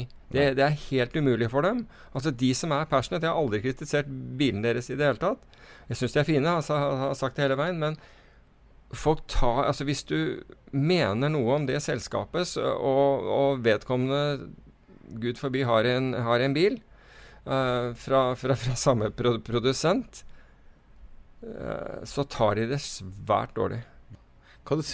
Ok, vi, vi kan avslutte. Vi har, vi har tidenes lengste podkast, men vi har hoppa over ei uke, så det gjør ikke så mye. Vi har fått masse spørsmål, og vi må nesten ta det. For vi fikk masse bra spørsmål. Kan ikke vi ta en sånn fire round? Eiendomsmarkedet i London og Kina? Spørsmålstegn. I? London og Kina. Altså Mener man at det er en parallell mellom de to, eller? Nei, hva du syns om Nei. eh, Har ikke London stoppa? Jo, altså London har det, og, og, og, og brexit er, tror jeg er veldig skummel i, i så måte. Nå så du Hvem var det? Var det Deutsche Bank, tror jeg, som, fly, som flytter halvparten av valutaklæringen sin, euroklæringen sin, til Frankfurt. Goldman har jo flytta allerede. Ja, de har flyttet en del av det. Um, men du ser nå at, at finansforetakene virkelig gjør noe med dette. De skjønner at brexit betyr at da exiter vi. Ingen, altså Hele tiden så hadde retorikken vært på nei, det kommer ikke til å skje noe. Jo, det gjør det. Det gjør det. Vi, eh, på en brexit så gjør det det. Og, og at Jeg har veldig vondt for å tro at ikke eiendomsmarkedet eh, kommer til å lide av det i London. Eiendomsmarkedet i Kina vet jeg ingenting om. Veldig mange tilsynelatende bryr seg om Kina investeringer, og spesielt Kina. Da mistenker jeg at noen prøver å selge et eller annet produkt Ja, som har. Kina uh, At det er noen i Norge som går rundt Ja. og pitcher det. Pitcher et eller annet Kina-produkt. Jeg, jeg har ikke peiling. Ja, for jeg skjønner ikke. Folk sier det, og så prøver jeg å spørre hvor dere har fått det fra. Så bare nei, og så var det, no, det var liksom ingen som, som virka og Det var ingen Altså, hva er relevansen for folk? Hva, hva er eiendomsverdien i Kina? Altså, for det første, Kina er et svært land med fryktelig mye mennesker og delt opp i, i, i regioner. Hvor, hvor, snakker vi om? Snak, ja, snakker vi om Shanghai? Snakker vi om Beijing? Eller snakker vi om, om ting som vi ikke klar, klarer å uttale engang? Du Det ordentlig korreksjon for øvrig i, eh, i Dubai igjen. I eiendomsverdier der. Oi, der Så der har det begynt å Så Ok. Det har jeg ikke fått med meg. ja. Så Dubai World, var det ikke? Så det var så jævlig. Ja, forrige gang så var det jo, ble jo nesten verdsatt til, til sanden det sto på. Du bruker å være i Dubai av og til, ikke det? Jo, Hvordan er i det? Midtøsten. Jo, jeg, jeg, eh, jeg liker Dubai godt, jeg. På tross av alder, eh, liksom. Er du ikke redd for å havne i fengsel for å være full på gata? Nei, jeg er ikke full på gata. Det, det er basically det. Du, Nei, altså ikke er jeg full på gata. Ikke, kj- altså, jeg kjører ikke bil. Altså, jeg, stort sett så får du noen til å kjøre deg der. Ehm, og Nei, altså det, er- det, er- det er greit. Jeg, jeg liker Altså, jeg, aldri, jeg, jeg liker Dubai. ja. Men det er dyrt. Det er blitt, øh, det er blitt dyrt. Å være der, eller å Ja, det òg. Altså, det er blitt mye dyrere. Ja. Det er det. Eh, bø, bø, bø. Det er en som vil vite om store tech-selskaper. Vi snakka mye om det. Det er Eh, snakk om været og konsekvensen for ulike sektorer i selskapet. Si noe om krafttrading, Nordpol etc. Det er den som skriver. Og når det gjelder altså, været så vil altså, hvis, hvis jeg var væropptatt, og, du vil se det på de, forskjellige selskapene Det første jeg ville gjøre, er å, er å se på råvarene som, som blir um, påvirket av været. Og dernest, altså når du får, først får en ordentlig oversikt over det, så vil jeg begynne å se på selskapene. For selskapene er jo bare derivat av, av, uh, av været, så råvaren, og så og så spinner ut i, i, um, i uh, økonomien i et eller annet selskap. Ja. For det, dette, dette altså, Du vil jo tro at noe sånt som en tørke kom inn under Direktoratet for eh, samfunnssikkerhet og beredskap. Hvor er planene for det? At, jeg mener, vi har planer for terror, vi har planer for alt mulig annet. Vi har sikkert planer for flom. Folk som da jobber i slike etater, skal jo på en måte tenke det som ikke har skjedd, også. Og nå har vi plutselig bang, en, en, en krise. Altså Det er så tørt. Det er, det er tørt to meter ned i bakken. Ja, det seriøst? Ja. Og alt som skal til altså Tenk deg skogområder. altså Én fyrstikk på feil sted, og Eller et bom! Eller et lynnedslag, som man, man hadde i Var det ikke det som utløste det i Sverige? En tørkeperiode kan ikke være helt goddamn utenkelig. Det bør det finnes planer for. Og når det er liksom folk må slakte ned budskap og, budskapen sin, og, og det får store konsekvenser sånn, da, der, da tenker jeg her er det noen som ikke har gjort jobben. Her er det faktisk noen som ikke har gjort jobben sin. Jeg ønsker meg noen tips til eventuelle hedgefond og andre fond ETF-er hvor man kan handle Man kan handle hvis man er penger som er produsert til høyere risiko enn indeksfond, men som ikke har tid å trade sjøl. For det første så vil jo hedgefond forhåpentlig ha lavere risiko enn indeksfond, men det, men det finnes noen som har det òg. Men det er, det er problematisk fordi de aller fleste hedgefond altså må du møte visse kriterier for å kunne bli eh, for, å, for å investere i. Og I Europa så er det vel eh, altså så finnes det, det finnes tre kriterier på på Du skal kunne at du, kan, at du forstår finans, du må ha en viss formue. Um, du, må, du må oppfylle to av tre. Og så er minimumstegningen Den kan være alt fra 100 000 euro uh, til, uh, til million euro eller million dollar. Det er, det, er, det er slett ikke uvanlig at det er million dollar som er minstetegningen på, på hedgefond. Men jeg har, sett en, jeg har sett at det er noen på, rund, på 100 000 euro. Mm. Um, hvis de er i, i, registrert i, i Irland. Men hvis det er ETF-er, så har vi vel har vi ikke snakket om det før. Men altså, vi, kan ikke gi, vi kan ikke gi deg tips om hva som er bra eller dårlig blant dem. fordi du må nesten gå inn og se på prospektene. og Hva er det du forsøker å oppnå? altså Er det bare avkastning, eller bryr du deg om hva de, hva de driver med? Om det er et makrofond eller long short-fond eller uh, Ja. Så du må, du, man må gjøre en del research. Men det, jeg, jeg mente at vi snakket om en del av de ETF-ene Jo, vi krever, altså, vi, vi snakket om den Goldman Sachs eh, Jeg tror hvis du går i forrige episode, og så går du inn på description, og der er det masse linker. Og det er bl.a. link til en podcast, som de intervjuer en ETF-ekspert. Og det, han gir deg basically det du vil ha.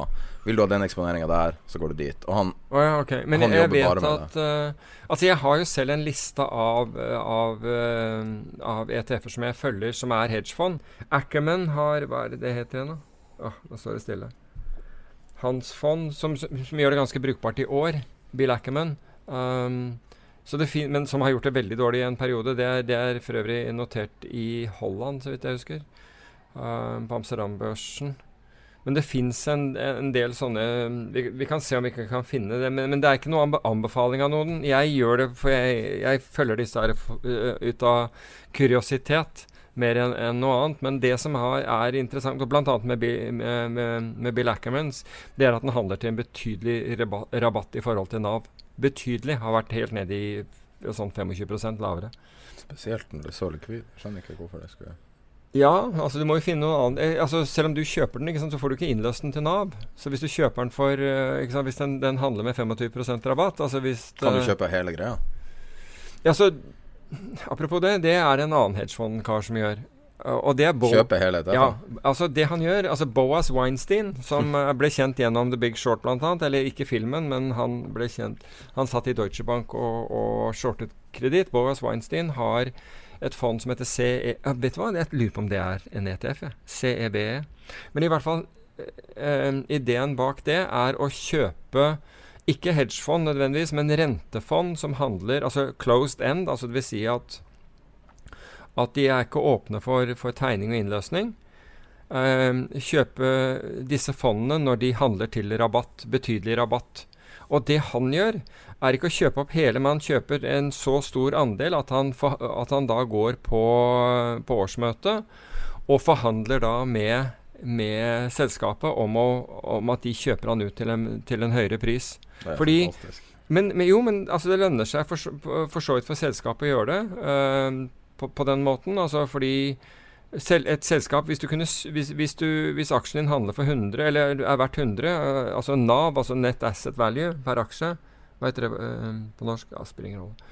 Hvis verdien på aksje er 100, eller, øh, og du kan få kjøpt den for 80, så er jo det også bra for fondet hvis de har cash. Fordi da, da får fondet eh, får fondet en implisitt fordel av, eh, av, av å gjøre det på den måten. De kjøper seg selv til rabatt, akkurat som Ja.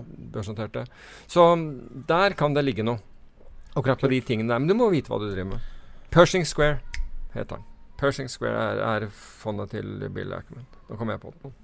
Equinor Jeg kan ikke kalle det Equinor. Det heter Statoil. Altså. Det er den dårlig. Jeg har ikke noe Er ikke det Equinox eller noe sånt? Det heter det selskapet som er den megaskandalen, Jo, det er et selskap som heter Equinox. tror jeg. Tror jeg. Men, eh, men jeg har ikke noe tilfelle på Equinor. Altså, det er et eh, selskap som, som er sikkert overanalysert. Altså, det fins Alle meglerhusene har um, De sier kostnadene er oppe.